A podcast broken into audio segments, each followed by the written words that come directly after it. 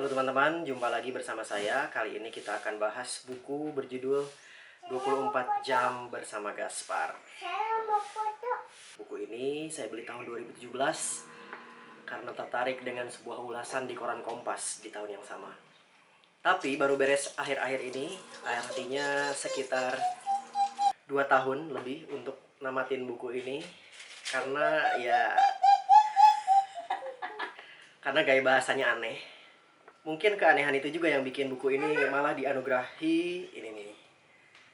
Pemenang unggulan dari Dewan Kesenian Jakarta tahun 2016. Ya, 224 halaman. Pas di bagian akhir baru kayak, wow, asik juga nih ternyata. Selama ini, selama di halaman ratusan awal itu kita dibawa ke petualangan si Gaspar ini yang mau mencuri sebuah kotak dari toko emas milik Wan Ali. Buku ini dibuka dengan kata pengantar yang ditulis oleh Arthur Harahap. Arthur Harahap ini entah siapa, dia tokoh imajiner tapi karena ini serial detektif, menamai dirinya buku detektif, maka kita bisa baca Arthur itu berasal dari Sir Arthur Conan Doyle, penulis Sherlock Holmes, dan Harahap diambil dari Abdullah Harahap. Dia penulis Indonesia tahun 70-an. Punya bukunya. Hmm, ini dia. Ini bukan bukunya Abdullah Harahap sih, tapi eh, tiga penulis ini, tiga orang penulis ini mereka kelihatan nggak? Nggak kelihatan ya.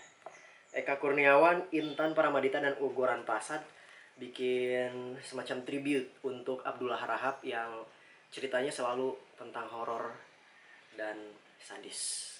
Oke, balik lagi ke 24 jam bersama Gaspar. Saya bacain ya, paragraf pertama di novel ini, kata pengantar dari Arthur Harahap. Sebelum perpisahan kami di pelataran Masjid Geberia Fotombu Sierra Leone, seorang pengelana Arab yang menemani saya selama 1001 harma berpesan.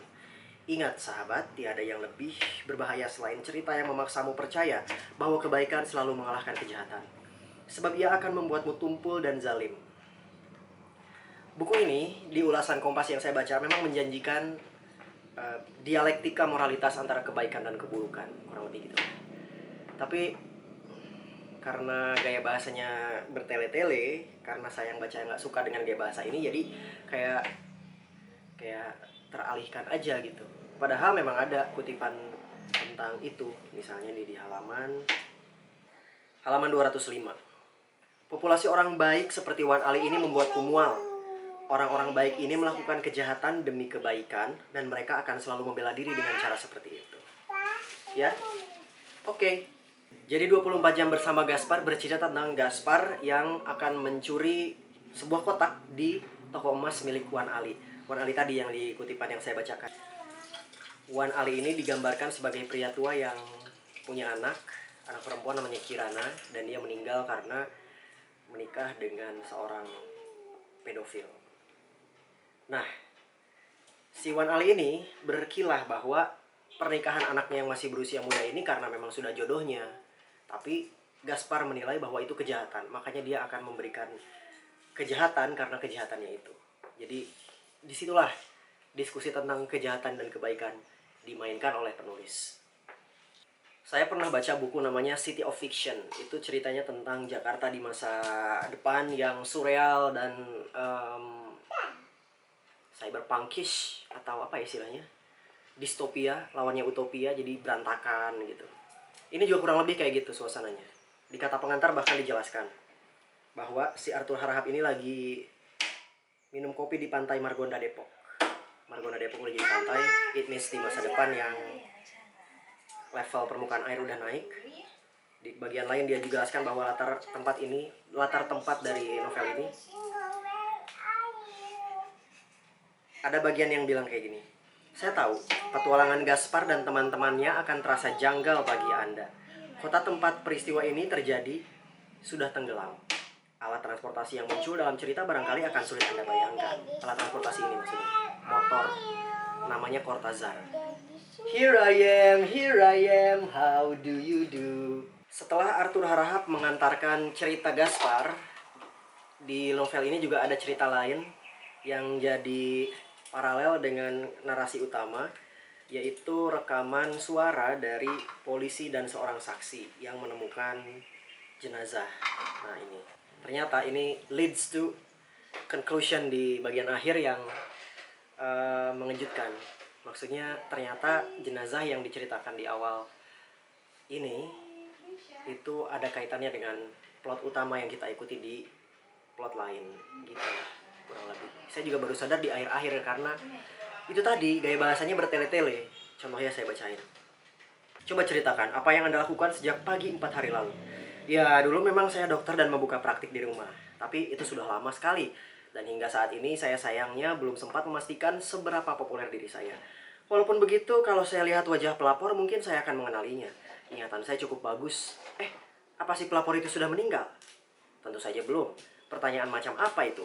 Oh, kalau sudah meninggal tentu saya masih mengenalinya. Ke sananya itu dijelaskan bahwa si polisi memotong pembicaraan si saksi ini lalu ulang lagi dari awal. Itu menurut beberapa review yang saya baca di Goodreads misalnya, itu mereka memuji humor kayak gitu. Saya sih nggak suka. Makanya lama ditunda nunggu mood enak dulu buat lanjutin baca ini. Yang bikin saya suka akhirnya dengan 24 jam bersama Gaspar karena ternyata ini bukan tentang pencurian ini tentang seorang pemuda, Gaspar ini dikasihkan 35 tahun. Dia punya motivasi lain ternyata untuk mencuri dari rumahnya Wan Ali.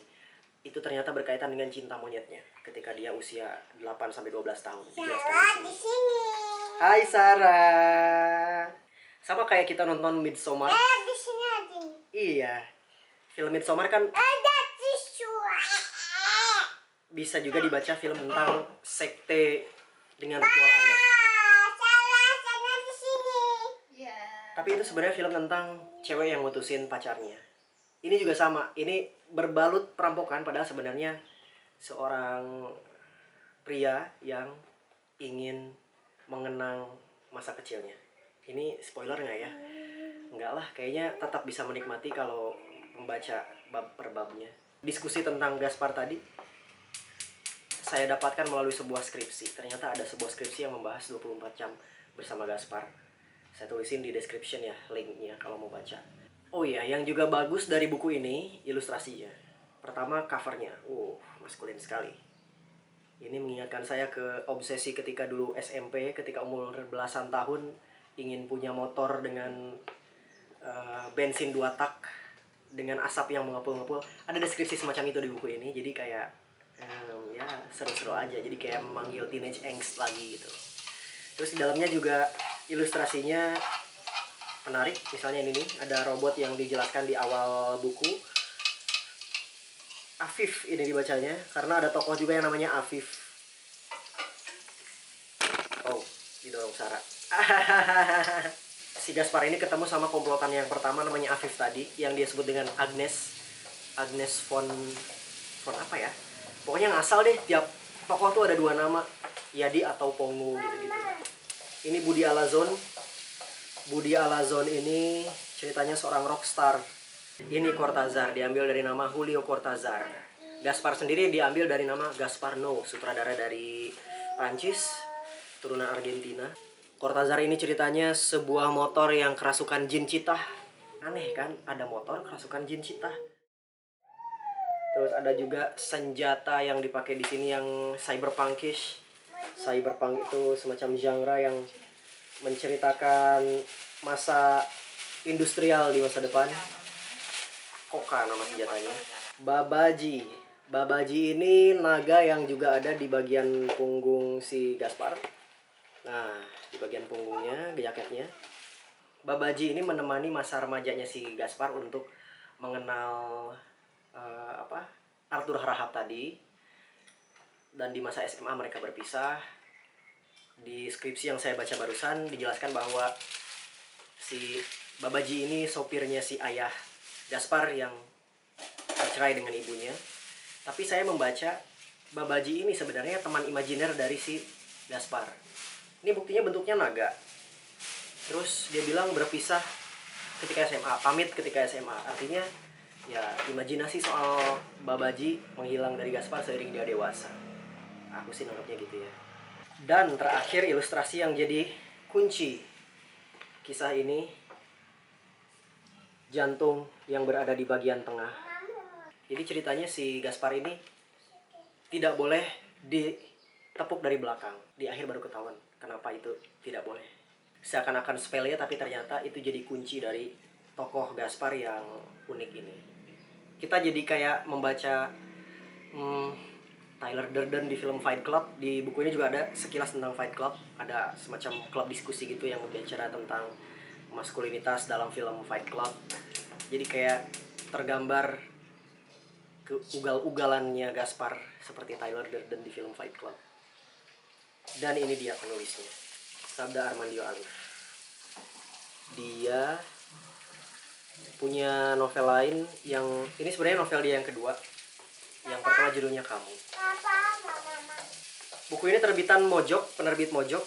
Ada yang bilang covernya keren banget kecuali logo Mojok yang bikin dia jelek. Eh, honestly speaking, emang iya sih kayak di tengah suasana kelam tiba-tiba ada warna biru, orange, hijau, ungu. Hmm, kayaknya nggak usah deh. Tapi nggak apa-apa karena sekarang udah ada versi terbarunya. Jadi udah ada cetakan baru dengan cover baru. Kalau kamu mau beli. Sekian dulu hari ini. Sampai jumpa di review berikutnya.